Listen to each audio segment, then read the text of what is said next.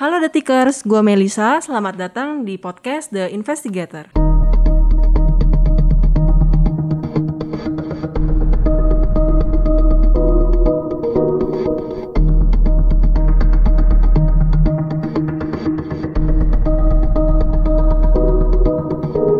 Oke, ini episode keempat podcast The Investigator. Seperti biasa di episode kita kali ini bakal bahas isu atau kejadian hangat yang diangkat dari uh, artikel investigasi di Detik X. Kali ini pun gue juga nggak sendiri, ada Fajar sekarang. Boleh dong sapa Detikers Jar. Halo Detikers, halo Mel. Apa kabar nih Jar? Udah seminggu ya kita nggak ketemu. Iya seminggu ya. Memang kita ketemunya seminggu sekali kayaknya ya. Iya selalu di saat ada podcast The Investigator ya. Iya iya. Oke, jadi uh, kali ini kita bakal uh, bahas uh, kejadian yang seru juga yang baru rame di pekan ini uh, bertepatan dengan tanggal 2 Maret kemarin itu kita baru ngerayain uh, masuknya ya virus COVID-19 di Indonesia untuk pertama kalinya itu 2 Maret 2020 tahun lalu diumumkan langsung oleh Presiden Joko Widodo. Jadi udah sekarang tuh tahun ini tuh udah setahun gila nggak sih nggak kerasa banget ya ternyata kita tuh udah men, me, menjalani pandemi ini selama setahun. Iya. Uh, kalau gue sih nggak merayakan uh, dua ta setahunnya uh, COVID-19 ada di Indonesia sih, tapi ya ini perlu jadi peringatan lah buat kita bahwa udah setahun, udah 12 mm -hmm, bulan kita terus menghadapi pagebluk yang sampai sekarang uh, proses penanganannya pun masih belum bisa uh, apa selesai sampai sekarang kayak gitu sih. Iya benar banget. Jadi kita udah setahun nggak pak, udah setahun pakai masker, setahun nggak bisa ke mana-mana, nggak bisa nongkrong ke mana-mana ya nggak sih kita kangen banget sama iya. kehidupan kita yang normal yang dulu itu. Iya kangen uh, ngopi di kafe gitu ya Mel ya, kangen ngopi, kangen nongkrong nongkrong iya. bareng kayak gitu sih. Banget banget sih dan di tanggal 2 Maret tuh nggak cuma sekedar peringatan COVID-19 masuk Indonesia loh, tapi ada juga uh, hadiah yang lain gitu yang disampaikan oleh Wakil Menteri Kesehatan Dante Saksono. Jadi dia di hari itu juga menyampaikan bahwa ternyata di Indonesia itu bukan cuma ada satu varian COVID aja, tapi juga ada terdeteksi varian baru yaitu Corona B117 ya. Iya, betul. Dari Inggris gitu. Hmm. Jadi kita uh, Fajar sendiri khususnya gitu maksudnya juga menelusuri soal kedatangan uh, Corona B117 di Indonesia hmm. hmm. dan uh, di pengumuman itu kan juga disampaikan bahwa ada dua orang ya berinisial A dan M yang Betul betul menjadi betul. Uh, suspek saat itu dan sekarang katanya sih udah sembuh ya ya kabarnya sudah negatif, sudah negatif sih mm -mm, gitu. mm -mm. dan uh, lu sendiri jar juga dapat kesempatan untuk ngomong langsung kan dengan uh, penyintas si A dan M ini gitu betul, jadi dari betul. hasil penelusuran lu kemarin hmm. itu apa sih yang lu dapetin dari cerita mereka berdua gitu sebenarnya ya ya ya jadi ini menarik sih Mel uh, ketika banyak orang mungkin atau banyak reporter wartawan mencoba mencari tahu sebetulnya siapa yang dimaksud A dan M ini uh, tempo hari kita detik X dapat uh, apa namanya uh, pesan singkat gitu mm -hmm. uh, bahwa si A yang dimaksud uh, berada di Karawang dan M yang M yang dimaksud berada di Karawang dengan usia alamat dan nomor telepon gitu uh, dari data ini akhirnya kita coba telusuri ya. Gua uh, coba datang ke wilayah Lemah Abang di di Karawang untuk menelusuri uh, tempat atau rumah uh, penyintas M ini begitu. Hmm. Oh jadi lo datang langsung ke rumahnya? betul itu? betul betul. Nah ini yang jadi menarik Mel. Hmm. Uh, bahwa pas gua datang itu terjadi perbedaan antara uh, uh, pesan singkat yang kita dapat, data yang dari pesan singkat yang kita dapat itu dengan uh, nama M yang yang yang hmm. sebenarnya ada di di uh, Karawang ini gitu. Jadi waktu gua tanya ke warga gitu di sana M ini ada nggak ya uh, gini gini gini gini gitu ya. Oh nggak ada mas yang namanya M ini gitu. Hmm. Uh, ternyata tapi kalau yang sempat kemarin pada Rabu uh, setelah Pak Dante mengumumkan kan Wamenkes mengumumkan adanya uh, varian baru COVID-19 itu uh, langsung kan uh, Kemenkes tim Satgas COVID-19 dari Karawang kan langsung datang ke rumah M ini untuk melakukan tracing ulang gitu atau pelacakan. Nah, inilah uh, clue yang kita dapat akhirnya uh, kemarin ada uh, tim Satgas COVID-19 ke sini untuk uh, melacak ke rumah M ini gitu ya. Oh ya ada akhirnya kita diantar ke rumah si M dan ternyata betul bahwa uh, itu adalah M yang memang uh, sempat terpapar COVID-19 dan sekarang sudah menjadi penyintas COVID-19 uh, dengan varian uh, B117 dari dari Inggris itu. Mm -hmm. Gitu.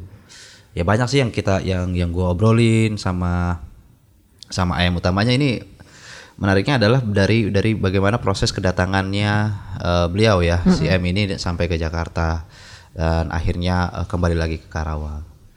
Ini yang menarik bahwa M ini mengaku bahwa dia uh, terakhir tes PCR itu bulan Desember, bulan hmm. Desember 2020. Tetapi uh, jadwal kepulangannya dengan uh, pesawat Qatar Airways hmm. itu hmm. baru uh, tanggal 27 Januari 2021. Hmm, jadi udah sebulan ya dari PC, PCR dia yang terakhir itu. Iya se sebulan kan. Hmm. Nah ini menariknya bahwa sebetulnya kan kita punya persyaratan ya bagi hmm. uh, apa namanya uh, uh, pekerja migran ataupun juga uh, turis yang datang dari luar negeri itu mestinya memiliki uh, surat hasil uh, tes PCR yang menyatakan hmm, negatif uh, minimal tiga uh, kali 24 jam hmm. atau 76 jam ya. Hmm, betul betul. Kayak gitu dan itu uh, apa dia mengaku bahwa nggak ada tes PCR-nya tapi tiba-tiba bisa sampai ke Jakarta dengan Qatar hmm. Airways gitu itu kan perlu dipertanyakan hmm, gitu. hmm, hmm. dan gua konf udah konfirmasi ke KBRI Riyadh bahwa uh, di Arab Saudi pun ya di Jeddah khususnya di apa namanya bandara Jeddah gitu mm -hmm. itu punya aturan sebetulnya bahwa ya mereka yang mau ber berpergian ke luar negeri itu harus uh, memiliki hasil tes PCR tiga hari begitu. Tiga hari. Uh, uh, nah tapi justru M ini bisa bisa lolos. Ternyata katanya hmm. ada kemungkinan uh, apa namanya bahwa si M ini dibawa uh, difasilitasi oleh uh, perusahaan sponsor hmm. yang ada di sana. Jadi di dengan adanya sponsor itu, jadi si M ini diloloskan gitu dari tes PCR yang harusnya tiga hari, hmm. tapi uh, yang 20 yang satu bulan ini justru dipakai gitu ya. Ya, diperbolehkan ya. untuk digunakan. Ya kemungkinannya kemungkinannya seperti itu ya. Tapi mm uh, itu kan uh, apa namanya uh, pendapat dari dari KBRI Riyadh aja. Mm -hmm. Tapi yang pasti kalau KBRI Riyadh sendiri memastikan bahwa semua pekerja migran Indonesia, TKI maupun TKW gitu, yang mau pulang dengan fasilitas KBRI Riyadh itu mesti memiliki hasil tes PCR dan itu difasilitasi oleh KBRI. Hmm. Tapi M ini enggak gitu. Hmm, Oke. Okay. Dan ini kalau gue baca dari artikel yang lo tulis sendiri, uh, hmm. si A ini datang alasannya karena uh, ada acara pernikahan gitu ya? Hmm. Kalau A ini uh, ya menarik ya dia dia, dia tidak seperti M yang yang yang yang tidak memiliki hasil tes PCR mm -hmm. tapi dia memiliki hasil tes PCR uh, dia bisa kembali ke Jakarta ke Jakarta gitu ya uh, ke ke mana namanya ke Bandar Soekarno Hatta uh, setelah itu dia dilakukan tes dia memang mau kembali untuk menghadiri pernikahan anak perempuannya mm -hmm. di di Brebes mm -hmm. begitu jadi waktu uh, Pak Dante Wamenkes bilang bahwa dua kasus ini berada di Karawang gitu ya. Sorry bukan Pak Dante sebetulnya mengumumkan, eh, tapi Kadinkes ya, PLT Kadinkes uh, Karawang, uh, Bu Ninik. Jadi uh, Pak Dante atau Wamenkes hanya memberikan informasi awal bahwa ada dua kasus, tapi selanjutnya di, di uh, dijelaskan lagi oleh uh, Ibu Nani ini bahwa kasus dua kasus itu ada di Karawang. Gitu.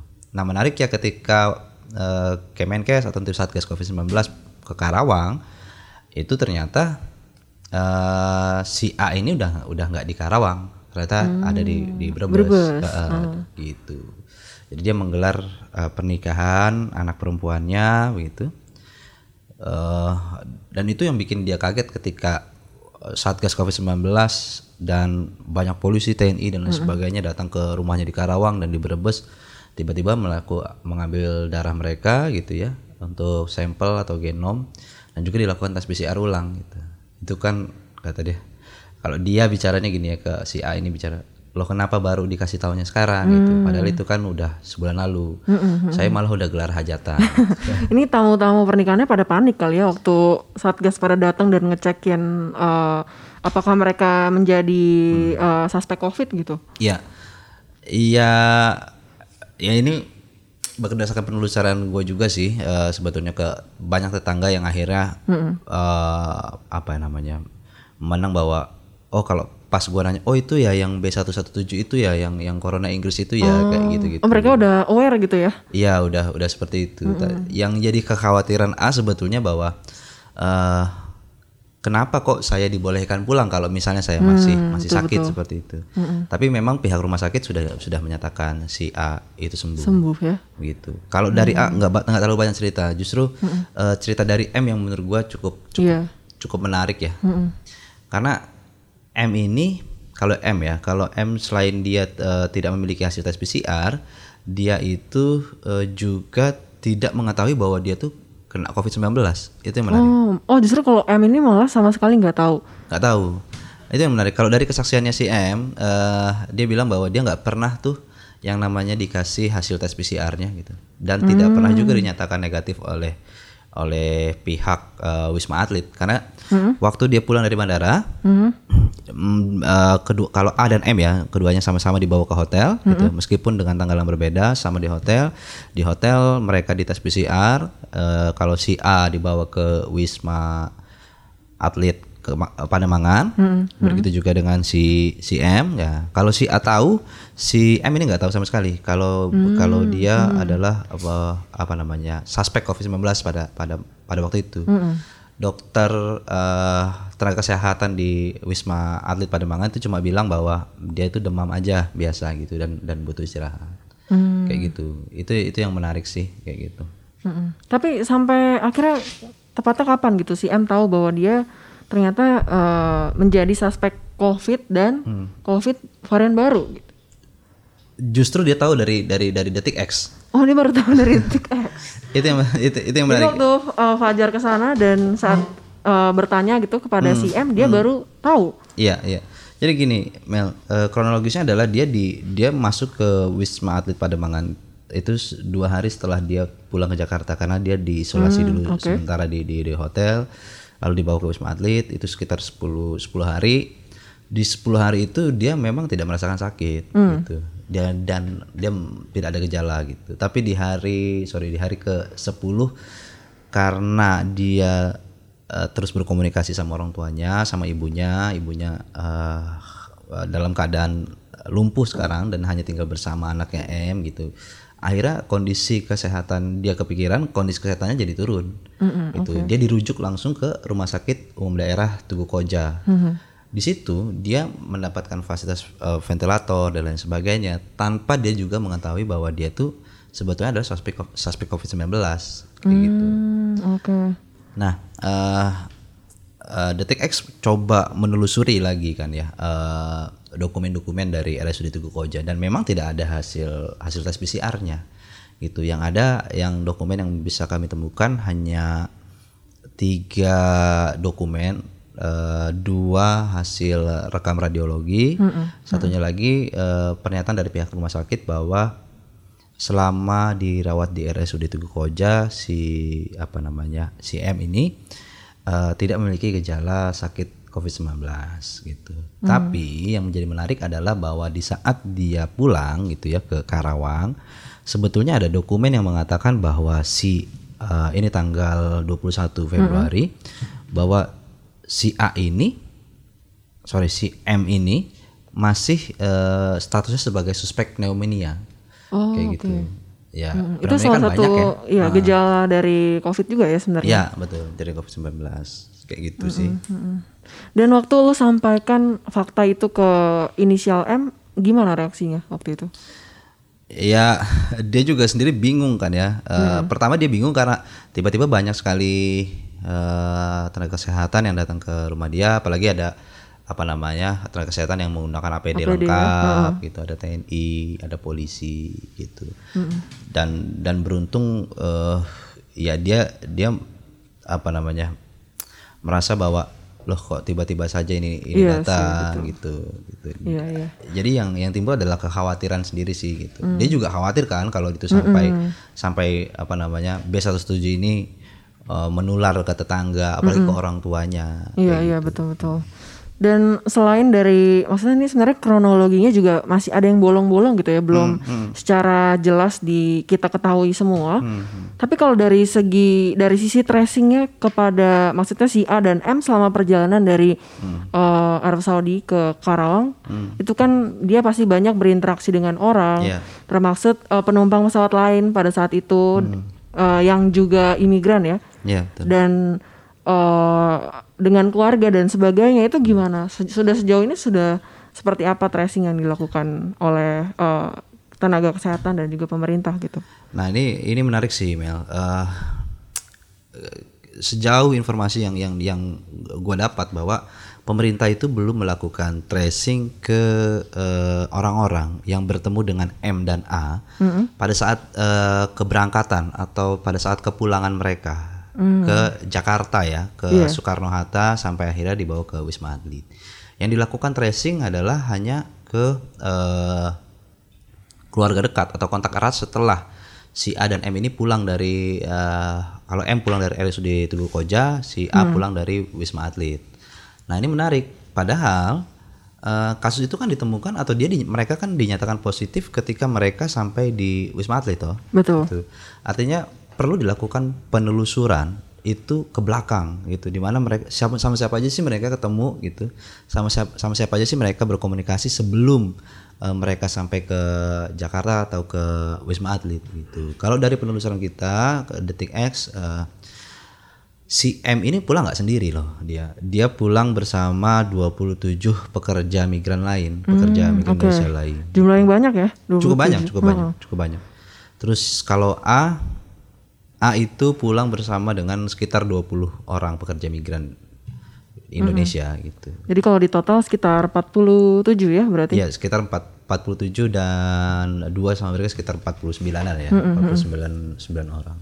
Dan itu di pesawat pun mereka eh, duduknya ya normal aja nggak ada batasan seperti seperti biasa aja. Jarak satu seperti itu. mm, satu bang eh, satu kursi ada tiga orang kayak gitu. si M dan A juga begitu. Di di kursi pesawatnya eh, tiga tiga orang kayak gitu. Dan itu teman-teman mereka ngobrol saat di, di pesawat kayak gitu. Hmm. Jadi sejauh ini untuk kepada penumpang yang saat itu juga pulang bersama itu belum dilakukan tracing.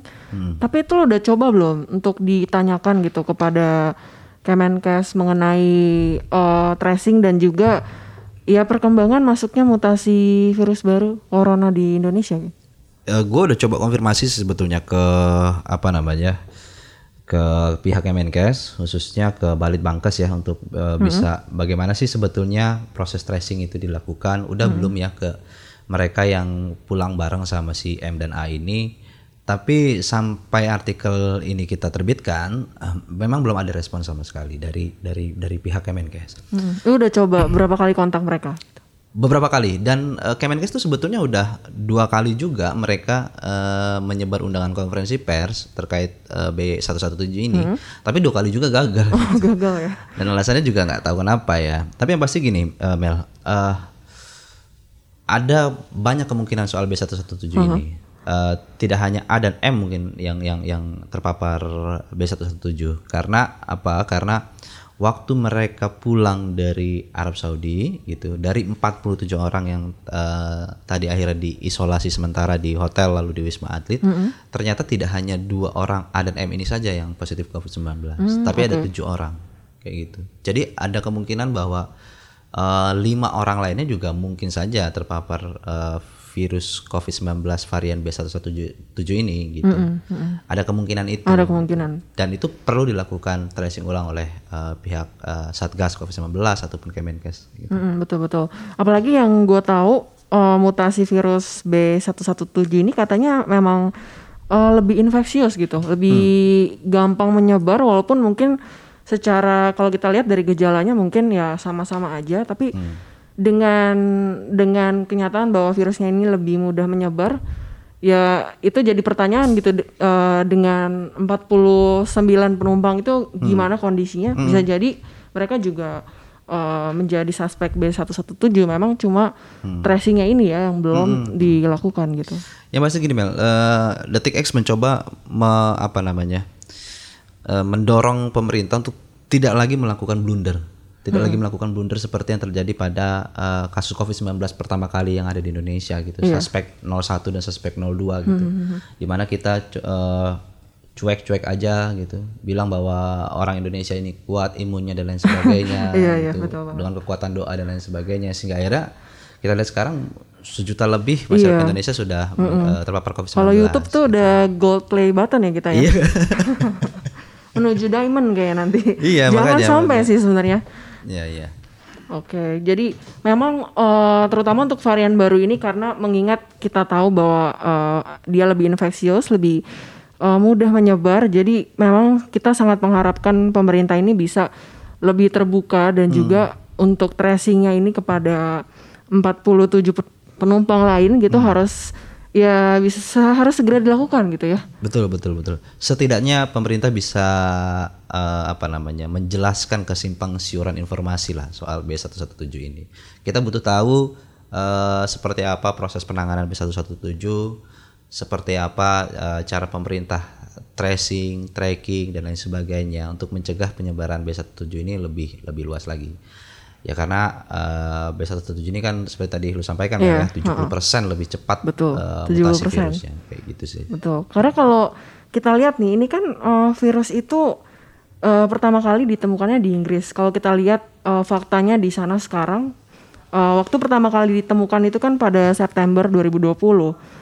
Tapi semenjak bulan itu sampai Desember 2020, udah beberapa bulan kemudian, jadi 60% kasus aktif COVID-19 di Inggris itu asalnya dari mutasi B117 gitu. Jadi kita kan jadi ya takut ya takutnya nanti di Indonesia justru malah mutasi ini yang bakal mendominasi eh, apa namanya eh, varian baru dan bakal men- menginfeksi orang Betul, betul, betul. iya ya Ini memang yang yang dikhawatirkan itu karena juga eh, bagaimana proses komunikasi pemerintah, Wamenkes gitu atau eh, Kementerian Kesehatan terhadap isu B117 ini juga eh, tidak cukup baik gitu. Kayak misalnya Pak Dante Wamenkes menyampaikan eh, kasus B117 ini pada 2 Maret 2021 gitu ya.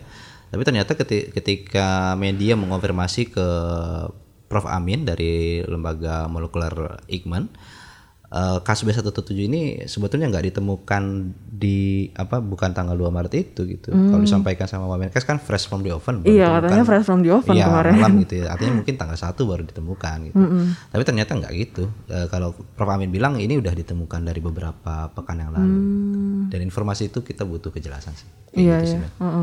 Dan selama kita masih menunggu, Hmm. kita pastinya bakal tetap mengawal perkembangan mutasi virus B117 ini ya. Dan solusi sementaranya sih baik lagi ke kita ya. Kita Hmm. yang harus eh, waspada dan juga selalu eh, menerapkan protokol kesehatan dan ya yang seperti yang dikampanyekan oleh pemerintah juga. Hmm. Jangan lupa 3M, mencuci tangan dengan sabun, memakai masker dan juga menjaga jarak.